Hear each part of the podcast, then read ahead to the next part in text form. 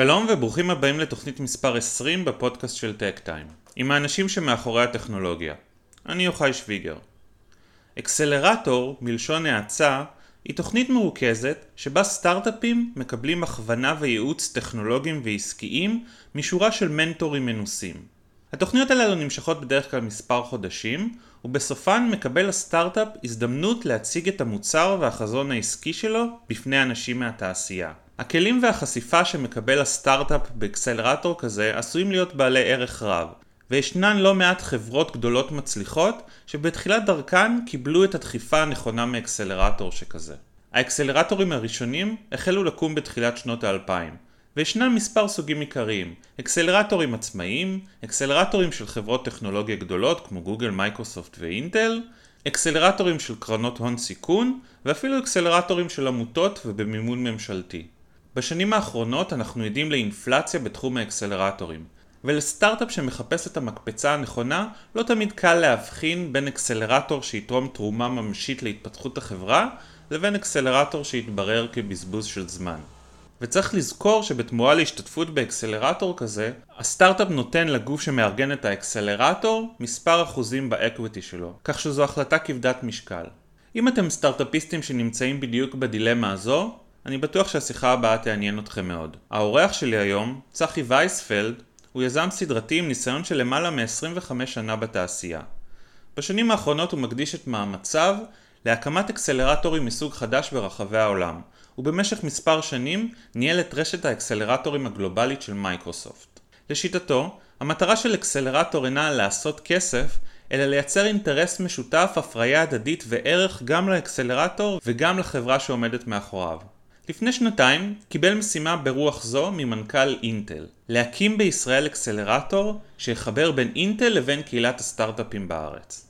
הוא הקים את אינטל איגנייט, האקסלרטור החדש של אינטל בישראל, שסיים את המחזור הראשון שלו לא מכבר ומגייס מועמדים למחזור הבא בימים אלה. דיברתי איתו מדוע סטארט-אפים נרתעים כיום מלהשתתף באקסלרטורים וכיצד ממציאים את הקונספט מחדש, על החברות המאוד מעניינות שנכללו במחזור הראשון, וגם על האתגרים המורכבים שמולם מתמודדים סטארט-אפים בתקופת הקורונה. שתהיה האזנה נעימה. שלום צחי ותודה רבה שהסכמת להשתתף בפודקאסט שלנו. אתה מנהל את האקסלרטור של אינטל בישראל, שנקרא אינטל Ignite. אני אשמח אם קצת תציג את עצמך ואני אתחיל באיזשהו וידוי. אנחנו שומעים הרבה על אקסלרטורים, הרבה חברות פה, הרבה חברות בינלאומיות פותחות אקסלרטורים, אבל אני עדיין לא הבנתי עד הסוף מה זה בדיוק אקסלרטור, מה קורה שם, איזה שירותים אקסלרטורים מספקים ו- וכולי. אז אני אשמח אם קצת תוכל לעשות לנו סדר.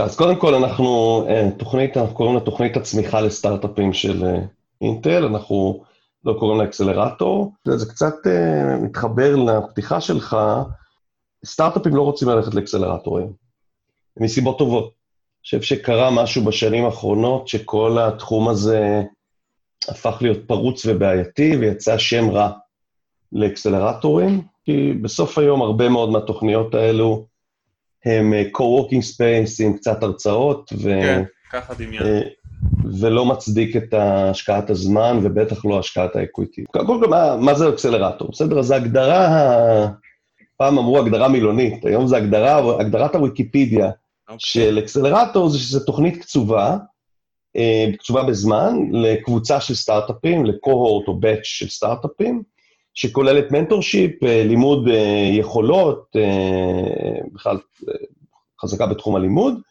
ולרוב מסתיימת באיזשהו demo day, באיזה אירוע שהסטארט-אפים עושים pitch. Mm-hmm. אז זו קצת הגדרה הישנה, המקורית, כל, ה, כל התופעה הזאת התחילה איפשהו ב... ב-2005, יש את Y Combinator, שזו התוכנית הכי ידועה בעולם, אה, שעזרה לבנות חברות כמו אה, אה, Airbnb ו Dropbox ו Twitch וחברות מאוד מאוד משמעותיות בעולם. ויש את Techstars, שהם אחת ה networks הגדולים בעולם של אקסלרטורים, אבל שוב, התפתחו הרבה מאוד תוכניות, כולל, כמו שהזכרת, התחום הזה של corporate accelerator. עכשיו, מה הבעיה ב... אז באופן כללי, אקסלרטורים נותנים בין 20 ל-120 אלף דולר, ולוקחים איפשהו בין 2 ל-8 אחוז equity. מה, בלי, בלי להעריך את שווי החברה?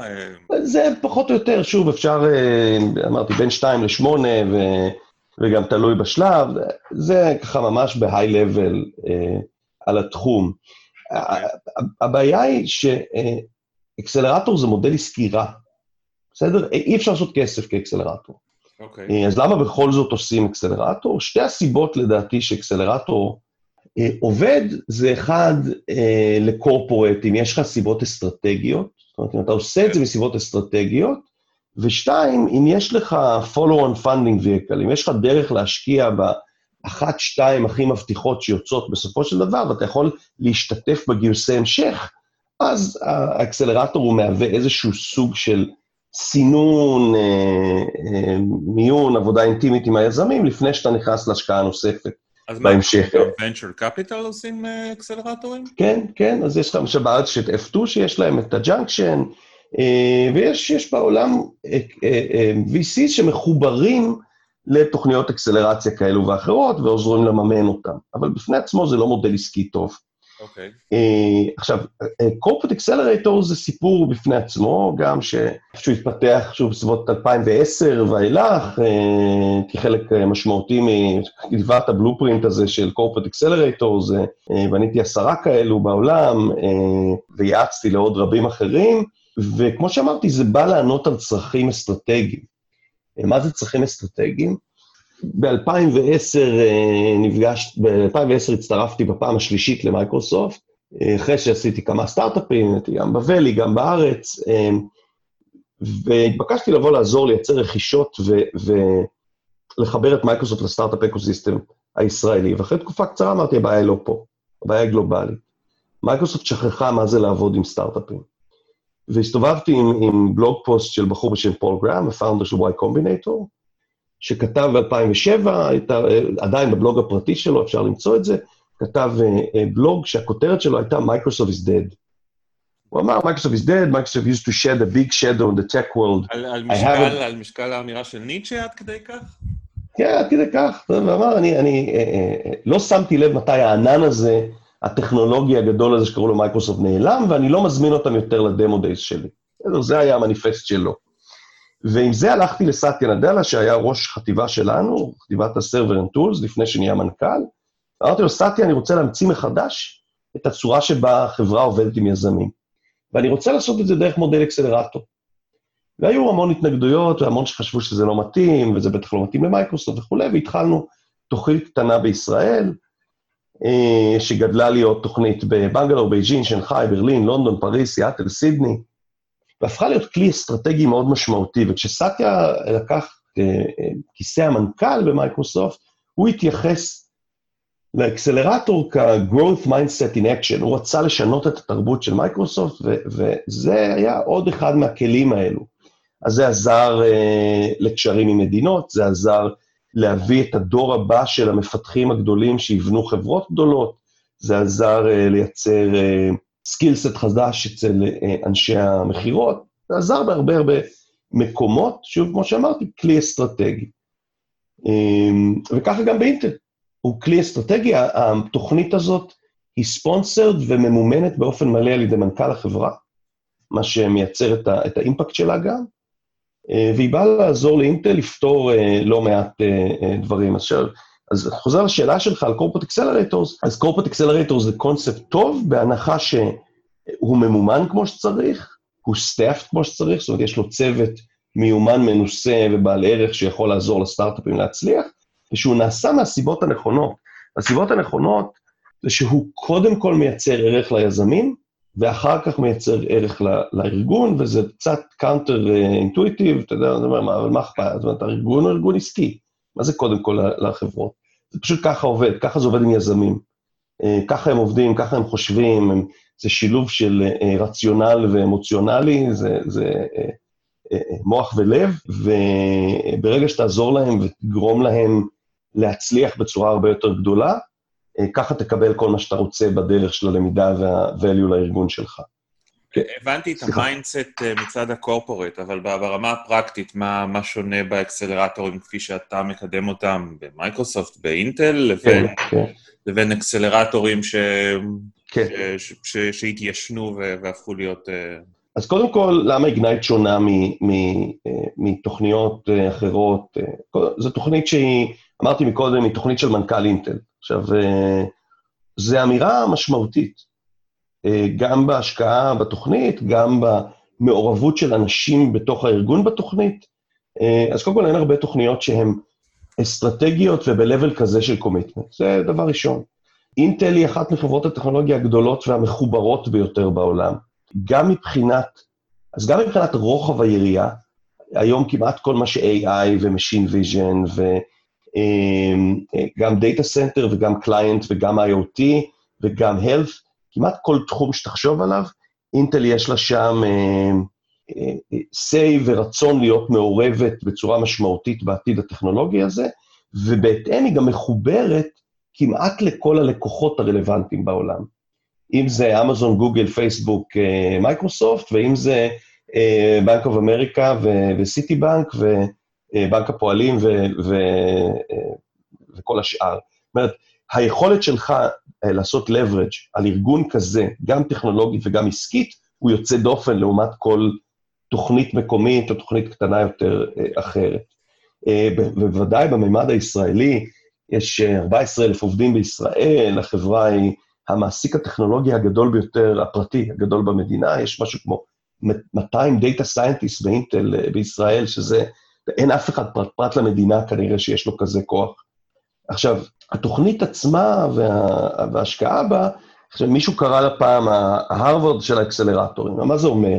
מה זה אומר להיות אייבי ליג או אוניברסיטה כזאת שהרבה רוצים להיות בה? הרי למה, למה אנשים רוצים ללכת להרווארד או, או לסטנפורד? הם רוצים אה, קודם כל לקבל אה, אה, חותמת של credibility ו-validation למה שהם עושים. כשאתה מקבל השקעה מאנדריסון הורוביץ בארצות הברית, אתה יודע שאתה סטארט-אפ משמעותי, כי עשו עליך due diligence מאוד משמעותי. כשאתה מתקבל להרווארד, אתה כנראה אחד הסטודנטים הטוב, הפוטנציאליים הטובים בעולם. אז אתה רוצה להיות בתוכנית שעצם זה שהתקבלת אליה, נותנת לך כבר אינדיקציה חיובית, בטח כשאתה סטארט-אפ, נורא נורא קשה לקבל credibility ב-early stage של סטארט-אפ. אהמ. כשהיינו במייקרוסופט, הגענו למצב, אנחנו עוד חדשים פה באינטל עם, עם, עם איגנייט, אבל במייקרוסופט הגענו למצב שהיינו מקבלים עשרת אלפים applications בשנה, והיינו בוחרים אחוז וחצי מהם, אה, שזה היה מאוד מאוד קשה להיכנס. הדבר השני בתוכניות כאלה זה איכות המרצים. אתה רוצה להיות בתוכנית שמאפשרת לך ללמוד מהכי טובים, הכי טובים בתחום והכי טובים בכלל.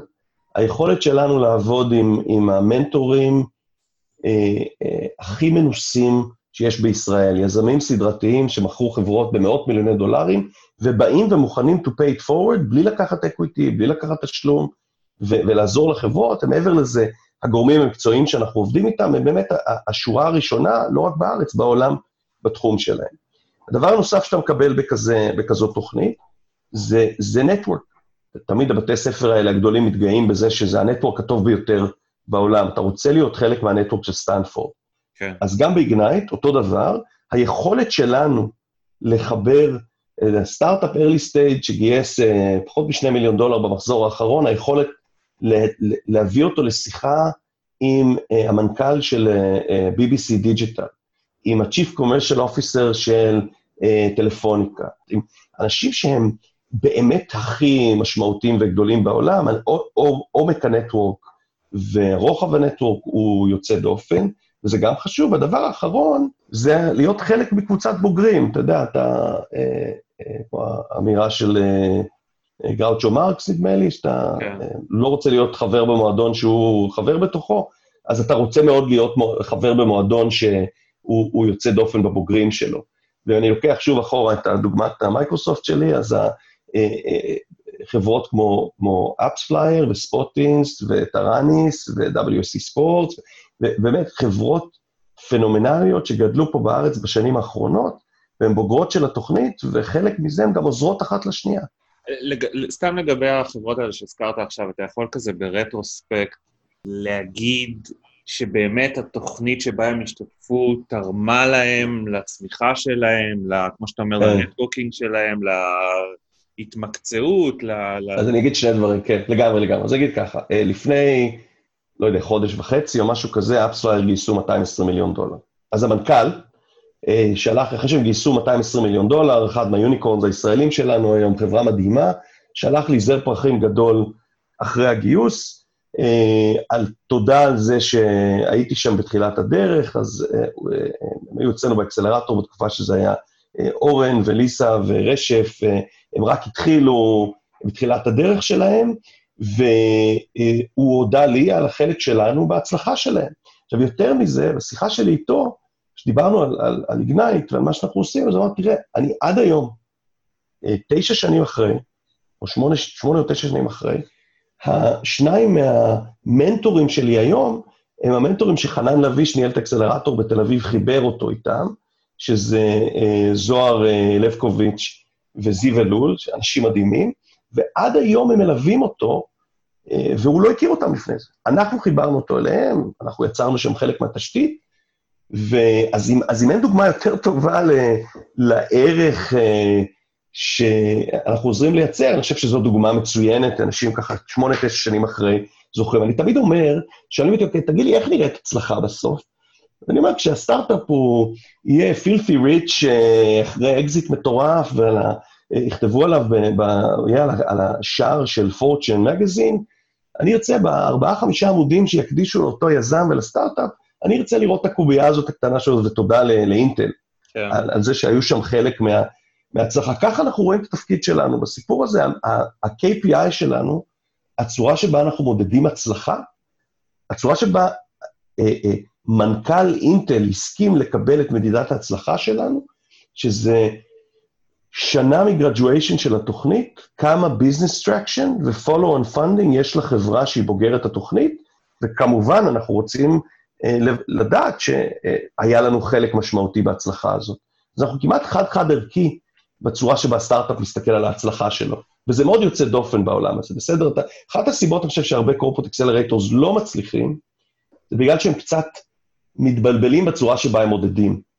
והם מודדים הרבה יותר מדי את ה-what's in it for the corporate, וקצת פחות מדי את what's in it for the startup.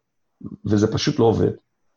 אוקיי. Okay. מה בעצם רף הכניסה לאקס... בוא נדבר ספציפית על איגנייט. אה, אינטל היא חברה עם מיקוד טכנולוגי מסוים, היא מתמקדת אומנם בהרבה מאוד תחומים, וכמו שאתה אומר, זה, זה, זה יוצר איזה סוג של איזה אקו-סיסטם מאוד מגוון, אבל אתם מגדירים את התחומים הטכנולוגיים שבהם אתם רוצים להתמקד, לא יודע, סתם אתם רוצים אוטומוטיב ו-AI וכולי, איך, וגם מה, עם מה הסטארט-אפ צריך לבוא כדי בכלל להיכנס לאקסלרטור, כן. איזושהי הוכחת התכנות, הון, מה התהליך, איך אתה, איך אתה, הרי מאוד קשה לי לפעמים לשפוט um, סטארט-אפ, אז איך אתה שופט, כן. איך אתה שופט את הסטארט-אפ אה, ברמה האנושית, ברמה הטכנולוגית? ברור. אז, אז אני אסביר את התהליך. אז אה, קודם כל התחומים. אז אתה יודע, אין סטארט-אפ היום, אני חושב, שלא אומר שהוא עושה AI, נכון? כן, נכון. לא, לא תמצא סטארט-אפ שלא עושה AI, גם אם יש לו... disruptive, שהוא disruptive. כן, גם אם יש לו דאטה מעשרה לקוחות, הוא עושה AI. כן. אמ, אה, אז, אז מה שנקרא, jokes aside, אה, אה, תראה, אנחנו מסתכלים מאוד מאוד רחב, והיו לנו חברות עד היום בשני המחזורים שעשינו, ואנחנו עכשיו ממיינים חברות למחזור השלישי, גם חברות consumer, גם חברות, זאת אומרת, ללקוחות סופיים, גם חברות בעולמות Deep Technology, יש לנו חברות בעולמות של בלוקצ'יין וחברות בעולמות של quantum computing, וגם חברות בעולמות של retail, מאוד מאוד מאוד מגוון, הרבה חברות SaaS, אז מאוד מגוון. עכשיו, אה, אה, אה, what would it take להיכנס לאיגנט? כמו שאמרתי, הסלקשן הוא, הוא לא טריוויאלי, יש בערך 200 אפליקיישנס לכל מחזור, ועם כ-70 חברות למחזור אנחנו נכנסים לתהליך due diligence כזה, ש, שכולל כמה שלבים. אנחנו רוצים לראות ככה, אנחנו רוצים לראות חברה שיש לה טכנולוגיה, זאת אומרת, היא חייבת להיות טכנולוגית. אה, אז חברה טכנולוגית אה, עם אה, רעיון גדול, זאת אומרת שהוא משמעותי, שיש לו אימפקט, שיש צוות חזק. היינו מאוד שמחים לראות צוות שהוא מגוון, זאת אומרת, גם עסקי, גם טכנולוגי, למרות שבישראל באופן מסורתי יש יותר טכנולוגים מאשר עסקיים שמקימים סטארט-אפים, הרבה יוצאי יחידות שונות מהצבא. Mm-hmm. ואנחנו לא אוהבים למשל single founders, זה מאוד קשה. מסע הזה של סטארט-אפ הוא מאוד קשה, אז על אחת כמה וכמה על יזם בודד. ואנחנו רוצים לראות שיש להם, הם גייסו משהו כמו מיליון דולר ומעלה. עכשיו, למה זה חשוב? הממוצע גיוס במחזור האחרון שלנו היה חמש וחצי מיליון דולר, לא יודע אם אמרתי את זה קודם. עכשיו, למה המיליון דולר ומעלה זה חשוב? אה, בעיקר בגלל שאנחנו צריכים את היזמים פנויים לעבוד על הסטארט-אפ שלהם. עכשיו, אם הם לא גייסו כסף, והם אה, אה, כל הזמן רצים בלנסות לגייס את ההון הראשוני בשביל להיות מסוגלים לגייס את העובדים הראשונים ולהתחיל לעבוד בכלל, אז אין להם פניות לעבוד על סטארט-אפ. אנחנו צריכים שהם יהיו פנויים לעבוד על סטארט-אפ, ולכן אנחנו צריכים שיש איזשהו baseline מימוני שמאפשר להם להיות פנויים. אה, אז זה לא שלא עשינו, יש לנו חברות שגייסו הרבה יותר, חברה שגייסה קצת פחות, אבל זה בערך הסדר גודל. עכשיו, הדבר הכי חשוב לנו בסטארט-אפ, סליחה, לא הכי חשוב, מעל כל הדברים האלה יש עוד סוגיה אחת קריטית עבורנו, וזה שהם coachable, שהם מוכנים ללמוד. כי יש הרבה כאלה שבאים אלינו ואומרים, שמע, אני יודע בדיוק מה אני רוצה, אני יודע מה אני צריך, אני צריך את אינטל כלקוח, או אני צריך channel כזה או אחר, ומעבר לזה אני לא כל כך, כל השאר אני לא באמת צריך, אז אחלה, אנחנו ננסה לעזור להם, אבל הם לא מתאימים לתוכנית הזאת. Uh, כי התוכנית היא מאוד מאוד מאוד אינטנסיבית. עכשיו, שאלת על selection, אז אמרתי, יש 200 applications, בערך 70 מתוכם אנחנו פוגשים בין שעתיים לשלוש, uh, פוגשים אותם עם אנשים טכנולוגיים, פוגשים אותם עם אנשי HR, להסתכל על הצדדים היותר רכים, האם יש מנכ"ל, אה, כמה הוא מסוגל באמת להוביל את החברה הזאת, ובסוף הם מגיעים ל-final selection day, final selection day מגיעים כ-60 שופטים, 30 מהם בערך מהתעשייה, VCs ויזמים, 30 מהם top executives באינטל, כל סטארט-אפ uh, עושה שני סשנים, שני pitch-ים של 25... למה כל כך הרבה שופטים? רגע, אני מסביר, אני, אני, אני בדיוק מסביר. אז, אז זה מתחלק למעשה, מתחלקים לחמישה חדרים, או בזום או פיזית, תלוי בתקופה. אה, בכל חדר יש כ-12 שופטים, 12-13 שופטים, שרואים, אה, כל סטארט-אפ רואה שתי קבוצות כאלו. ובסופו של דבר אנחנו מציעים לעשר חברות להצטרף למחזור. Mm-hmm. היכולת לראות אנשים שונים, מתחומים שונים, אה, מוסיפה המון ערך בסלקשן, מוסיפה לנו עוד, עוד נקודות מבט. ומעמיקה את היכולת שלנו לבחור חברות טובות. וזה ערך עבור הסטארט-אפים גם. כי שוב, דיברתי על הנטוורק מקודם, היכולת שלהם אה, לעשות שיחה כזאת עם אנשים שהם סופר משמעות, הם מאוד מאוד משמעותיים בתעשיית ההייטק המקומית, היא טובה עבורם, בכל מקרה. אתה יכול לספר לנו קצת על הסטארט-אפים שנכללים במחזור הנוכחי, ככה שתהיה לנו קצת המחשה ל... כן, אז אני אספר. המחזור שסיים, אז המחזור שסיים לפני שבועיים, אה, ככה, הזכרתי כבר את שופיקס, חברה בתחום של אה, אה, frictionless shopping experience. מי שמכיר את אמזון גו, כן. הם, הם פשוט מביאים פתרון אחר מהפתרונות שמכירים מ-Trigo ומ-Amazon Go וכולי, הם, הם לא מבוססי מצלמות תקרה, הם מבוססי עגלה, יש להם פתרון שכבר מוטמע בפיילוטים ברחבי העולם, קוראים להם Shopic, גייסה 11 מיליון דולר, mm-hmm. באמת פתרון מאוד מרשים, שלוקח גם את, את הבעיות הבסיסיות במה זה אומר להיות על עגלה. אה, אז זה Shopic. Indoor Robotics, חברה שעושה, זה נשמע כמו science fiction, עושה autonomous indoors drone. בסדר? תחשוב על, על רחפן שמסתובב באופן עצמאי בתוך uh, מבנים, ויוצא למשימות אבטחה. הוא, uh, uh, הוא בשוטף, הוא על התקרה, הוא, הוא למעשה מהווה כמצלמת uh, אה, אה, מצלמה טרמית ומצלמת אה, אבטחה, וכשהוא צריך הוא יוצא למשימות והוא יודע לסגור אותם לבד. Mm-hmm. אז זה Indoor Robotics, יש לנו שתי חברות בעולמות הבלוקצ'יין, אחת בשם, בשם Chain Reaction, צוות מבריק, אחד מהפאונדרים של מלאנוקס, השני היה 20 ומשהו שנה בכוחות הביטחון, בתפקידי סייבר בכירים מאוד, שמפתחים מעבד, שמאיץ אה, קריפטוגרפיה בעולם של בלוקצ'יין. Mm-hmm. חברה נוספת בעולמות הבלוקצ'יין, חברה בשם אה, שעושה, היא עושה security ל smart contract, זאת אומרת, הם יודעים לאבטח smart contract, גייסו מקרן אמריקאית, קרן סייבר אמריקאית מובילה. יש לנו חברה בעולם ה quantum computing, או בונים CAD לקוואנטום, חברה בשם Classiq, גם זוג תלפיונים מבריקים עם, עם אה, אחד החוקרים הבכירים ב-IBM, ש, שבונים את אה, עולם ה software לקוונטום. אה, יש לנו חברה בשם Compira Labs, Compira Labs עושה האצה של סטרימינג וידאו ב-last mile, מותקנים היום אצל ספקי תקשורת מובילים, אם לא המוביל בעולם בארצות הברית, מראים שיפורי performance מדהימים בצד הזה. יש לנו חברה שנקראת OneView, שמתעסקת ב data סינתטי ל image־ים לווייניים, יכולת גם אלגוריתמיקה וגם יכולת למידה. יש לנו חברה בשם DeepChecks, שוב גם talent יוצא דופן, שהם בעולמות ה-ML Ops, בעולמות ה-Machine Learning. כמה, כמה חברות הגעתי? Aspecto, חברה בעולם של micro services, היכולת שלך לפתח, כשאתה מפתח מפתח micro services, היכולת שלך באמת להבחין במוצר שלך, איך הוא עובד, ולהיות מסוגל להבין איך הוא עובד בתוך עולם שלם של micro services, ולייצר מוצרים שעובדים מצוין. היירו, היירו עושים conversational AI bots, בניגוד לעד היום שכאלה בוטים שהיית מתקין, היה לוקח לך חודשים להתקין אותם, הם באים מהעולם של השפה ולא מהעולם של ה-structure data, ועושים הטמעה מאוד מאוד מהירה של בוטים כאלה, הם היום עובדים מאוד חזק, אפרופו עולם ה-COVID, באתרים של, של ספקי חברות רפואיות, כמו קופת חולים מכבי כאלה, אבל בעולם, לא בארץ, בארצות הברית, ומאפשרים גם לקבוע תורים, גם לשאול שאלות, גם לקבל תשובות חכמות על, על המצב שלך וכולי. אמרת קוביד, אז בואו נדבר על קוביד. אם כבר מדברים על disruption מאוד גדול, אז זה disruption במובן השלילי, אבל אולי יש בו גם דברים חיוביים לעתיד.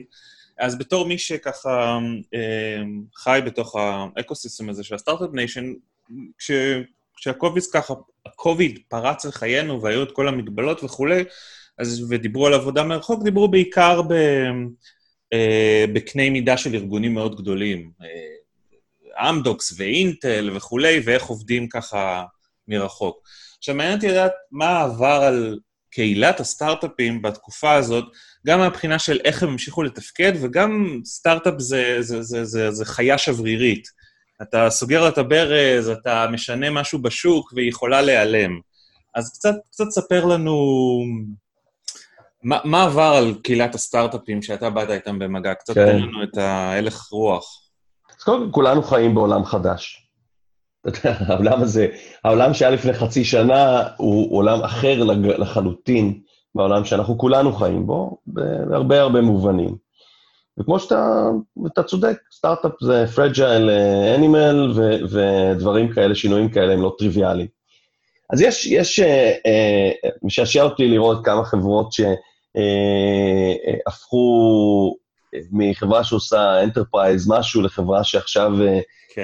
יודעת לאבחן חולי קוביד. כן, כן, המון, המון. אז יש כמה כאלו שעשו את הכיוון הזה, אבל מצד שני, יש גם חברות... זה נראה ש... לך טעות, ש... אגב?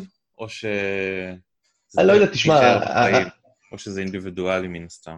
תראה, הדבר שמייחד, בטח בארץ, יש לנו יזמים פנומנליים, super super חכמים וחזקים, וחלק ממה שלפעמים אה, עושה הבחנה בין סטארט-אפ מצליח, או, או לא חלק, ברוב המקרים מה שעושה הבחנה בין סטארט-אפ מצליח לסטארט-אפ אה, כושל, זה איכות הצוות שלו והיכולת שלו להתאים את עצמו לשינויים. אז בחלק מהמקרים, יש לך צוות מבריק שיודע לקרוא data כמו שאף אחד אחר לא יודע לקרוא, יכול להיות שאתה יכול לעלות פה על פתרון ו- ולמצוא משהו, כי, כי יש הזדמנות שוק גדולה שהם מוכנים להשקיע בה הרבה כסף. Uh, הרבה סטאר, יש סטארט-אפים שה-COVID-19 יצר עבורם הזדמנויות אדירות, uh, במגוון רחב של תחומים, כולל בוגרים שלנו שמצאו את עצמם פתאום בהאצה של uh, הטמעות, בהאצה של הטמעות בשוק אצל, אצל לקוחות, כי למשל, אם, אם עד לפני חצי שנה אם חלק מהפיץ שלך היה שאתה חוסך עלויות, אומרים לך, עזוב אותך עלויות, לא מעניין אותי, אני צריך כמה שיותר מהר להכניס כמה שיותר לקוחות ולגדול בכמות השרתים וכולי, ופתאום אה, cost of doing business נהיה מאוד משמעותי. אז, אז פתרונות שלהם פתאום הפכו להיות יותר משמעותיים אה, מבעבר, ובטח הסיפור שלהם. מימון הפך להיות לא טריוויאלי, בטח ב-early stage. כן. אה, כי, כי כל המשקיעים מחזיקים את הכסף יותר חזק, אה, יותר קרוב לחזה, אה, חוששים להשקיע במישהו שהפאth שלו להצלחה הוא, הוא פחות ברור היום.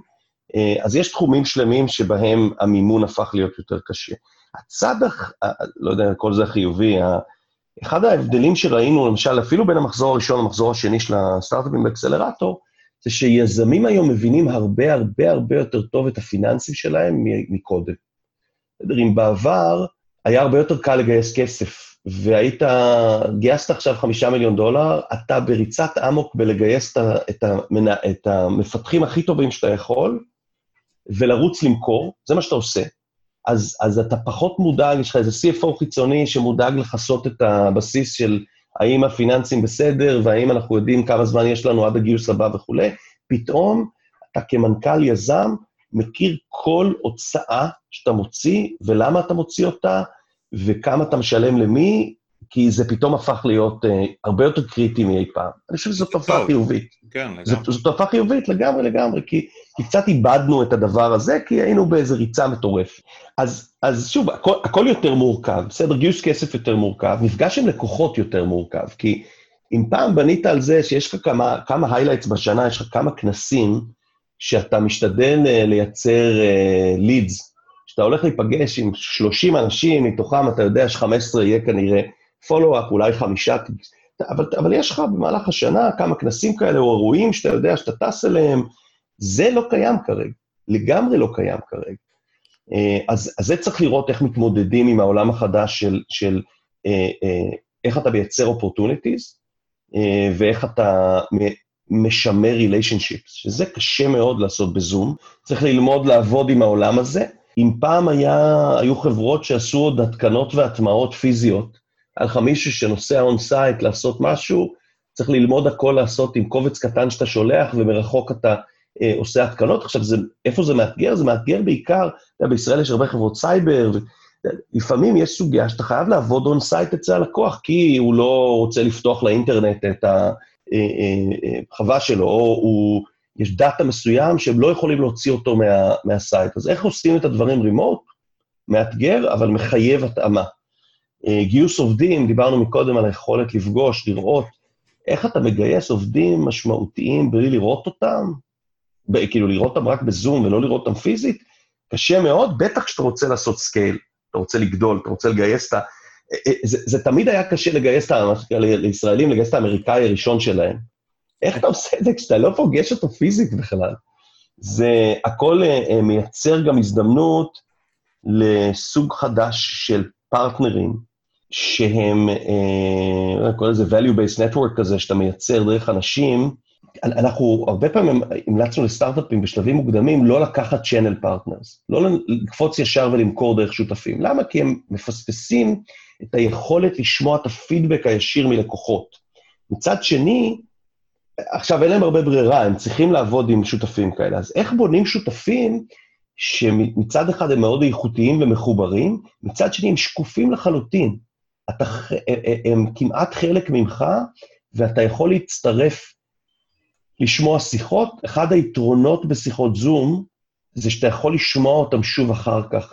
אחד החסרונות הבולטים אצל יזמים, שהם באיזשהו מרוץ מטורף לספר לעולם על הדבר המדהים שהם עושים, הם לא תמיד מקשיבים, כי הם במכירה כל הזמן. אנחנו מתרגלים הרבה מאוד יזמים בלהקשיב. ואיך אתה מקשיב למה שקורה בחדר בזמן שאתה מדבר עם מישהו על מה שאתה עושה. עכשיו, כשאתה אה, אה, בפנים פנים, אתה, אתה לפעמים מפספס את, ה, את הניואנסים. הוא הרגע אמר לך שמה שאתה עושה זה לא מה שהוא מחפש, אבל הוא גם אמר לך מה הוא מחפש, אבל יכול להיות שלא הקשבת, כי היית נורא נורא עסוק בלשכנע אותו שהוא לא הבין. אז כשאתה בשיחת זום, יש יתרון, אם אתה מקליט את השיחה, לעשות אחרי זה אה, הקשבה מודרכת, או לבד, או עם מישהו שמבין באינטראקציות כאלה, או אה, כמה פאונדרים ביחד, לשבת ולהקשיב לכל הניואנסים האלה. למה באמת נאמר? כי לפעמים מסתתר זהב טהור בשיחות האלה, אנחנו רק מפספסים אותו. איך משמרים עובדים? אתה יודע, איך יוצרים תרבות וחיבור עמוק? אתה יודע, זה משהו אחד לגוגל לבוא להגיד, תשמעו, אנחנו לא ניפגש עד שנה הבאה. אבל לגוגל יש תרבות עבודה מרחוק. בסדר, לגוגל, למייקרוסופט, לאינטל, חבר'ה שרגילים לעבוד עם הצוותים בארצות הברית באופן שוטף. בסטארט-אפ צעיר אין תרבות ארגונית, ולא רגילים. אז איך אתה משמר, איך אתה מייצר את הצוות? איך אתה אה, מייצר את החיבור האמוציונלי לצוות, לחברה, וואלה, אתגרים גדולים. דיברת על, ה... על התהליך כניסה לאקסלרטור, ואמרת, כי הזכרת שבסוף יש איזה סוג של דמו, אז מה, מה באמת קורה בסוף? מול מי אנחנו מציגים את זה, ו... כן. אה, זה, זה כמו סוג של עבודת גמר בשנקר? אה, מה, מה, איך, איך כן. זה, אה, מול מי אני עושה את זה? האם זה עשוי להביא להתהדקות השיתוף פעולה עם כן. חברת האם וכולי? אז, אז ככה, פעם היה נהוג לעשות demo days, יש עדיין כאלה שעושים demo days. הניסיון שלי בשנים האחרונות אומר שלאף אחד אין סבלנות לשבת ולשמוע, זה לא משנה אם זה עשרה או מאה, אז, אז, אז לאף אחד אין סבלנות לשבת ולהקשיב לכל הפיצ'ים האלה, וחלק מהם נשמעים אותו דבר. אז אנחנו הרבה זמן כבר עובדים על מודלים אלטרנטיביים לדמו דיי כזה. המטרה היא בגדול לחשוף את החברות לכמה שיותר אנשים רלוונטיים. אה, רלוונטיים זה לקוחות רלוונטיים, משקיעים רלוונטיים, שותפים רלוונטיים. אז הדרך שאנחנו עושים את זה היום, קודם כל אנחנו מפיקים אה, וידאוים ברמת הפקה מאוד גבוהה, משקיעים בזה הרבה מאוד כסף ואנרגיה. אה, וחשיבה על הסקריפטים וכולי, וידאו קצר שמספר מה החברה עושה, אה, ואנחנו עובדים על הפלטפורמות השונות, על איך אנחנו מייצרים exposure לוידאוים האלה. אנחנו עכשיו בעיצומה של אה, הכנה של אירוע וירטואלי גדול מאוד שאנחנו נעשה, ונכריז עליו בקרוב. הוא אמור להיות אירוע נורא מעניין ומאוד entertaining, אנחנו לא אוהבים את הזום, זום, אה, calls אה, האלה של talking heads, ששוב, קצת קשה לשמור על הקשבה לאורך זמן.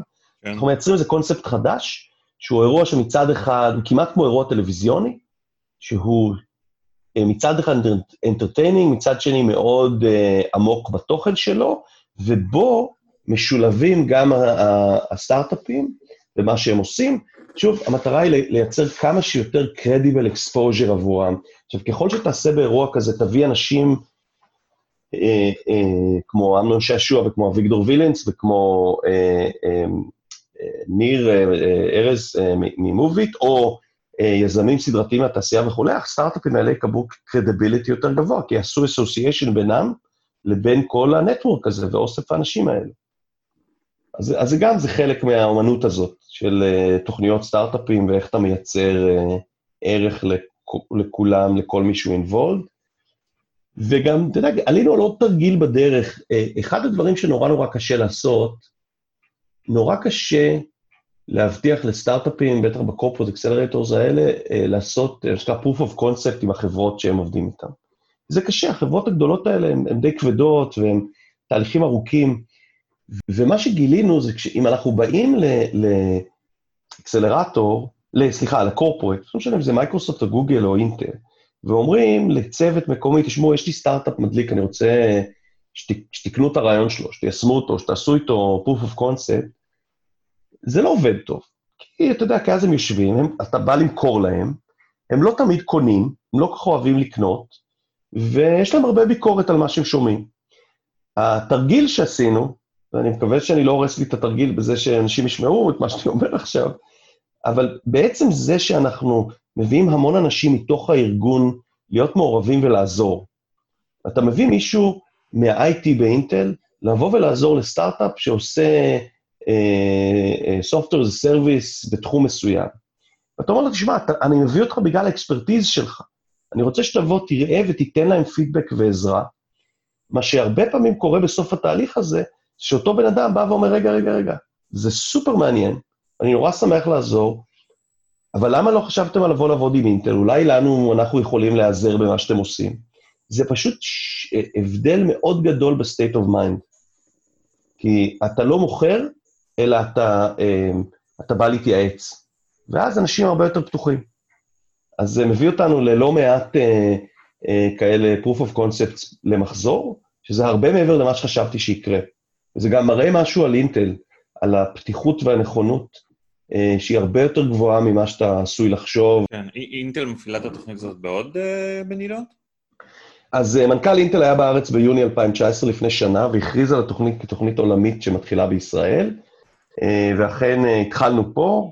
אנחנו כרגע מגייסים חברות למחזור השלישי בארץ, אנחנו מתחילים כבר לבנות את הסייטים הבאים בעולם, ואנחנו נכריז על זה כשזה בזמן הנכון, אבל אכן אנחנו גדלים מישראל לעולם, כמו שסיפרתי, עשיתי את זה בעבר גם במקומות אחרים. אנחנו רואים גם כל תחום הדייברסיטי בסטארט-אפים, אנחנו רואים סטארט-אפים של, לא, לא בהכרח בישראל, של נשים, של שחורים, של חרדים, של ערבים, של... אז לדאבוני אנחנו רואים מעט מאוד, ואנחנו מאוד מאוד מנסים אה, גם לעזור לדברים האלה לקרות, וגם אנחנו לא מוותרים בדרישות הכניסה, אבל אנחנו מבינים שיכול להיות שיש bias בתהליך, ויכול להיות שיש bias בצורה שבה אנחנו מודדים, ולכן אה, אה, כשבמאמצים האלה של להביא יזמים חרדים, יזמות נשים, אה, יזמים ערבים, אנחנו לא מסתפקים במידע ששולחים לנו, ואנחנו אומרים, יכול להיות שבתהליך הזה אנחנו פספסנו, הם פספסו וכולי, אנחנו עושים מאמץ יותר משמעותי בלפגוש את הצוותים, אה, לפגוש את הצוותים ולראות אם לא פספסנו משהו ואם הם לא פספסו בת, בתהליך הזה, כדי אה, כן לנסות לעזור לזה לקרות, זה מאוד קשה.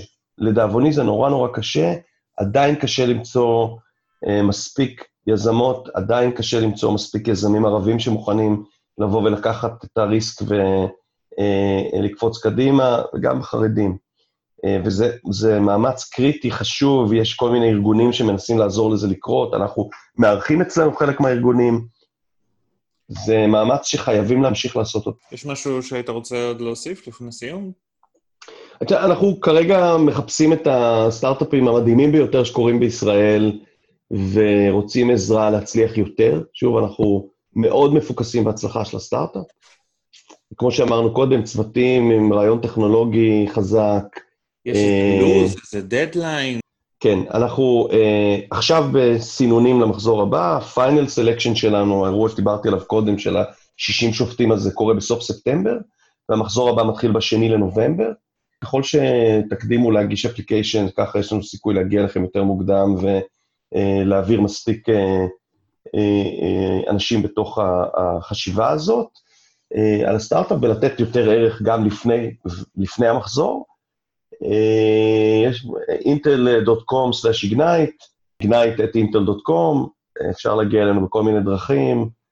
אה, ומה שאני גם מאוד ממליץ זה לראות, אה, להסתכל על החברות שעברו את התוכנית ולשאול את היזמים שהיו. חושב שזו הדרך הכי טובה בשביל לעשות דיפרנציאציה בין תוכניות, או לראות אם כל מה שאמרתי הוא אמיתי או, או לא. זה פשוט לשאול אנשים שהיו בתוכנית, ו...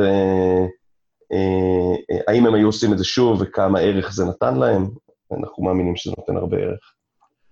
אה, טוב, צחי, אז אה, תודה רבה על השיחה הזאת, אני מאחל לך שגם המחזור הבא יהיה מגניב כמו המחזור הזה שתיארת עכשיו. וזהו, אנחנו נשמח לעדכונים. בשמחה, תודה רבה, וש... keep health and safe, safe and healthy. תודה רבה על ההאזנה, אני מקווה שנהניתם. אתם מוזמנים להמשיך ולעקוב אחר הכתבות באתר שלנו, techtime.co.il, להירשם לניוזלטר ולהקשיב לפרק הבא בפודקאסט.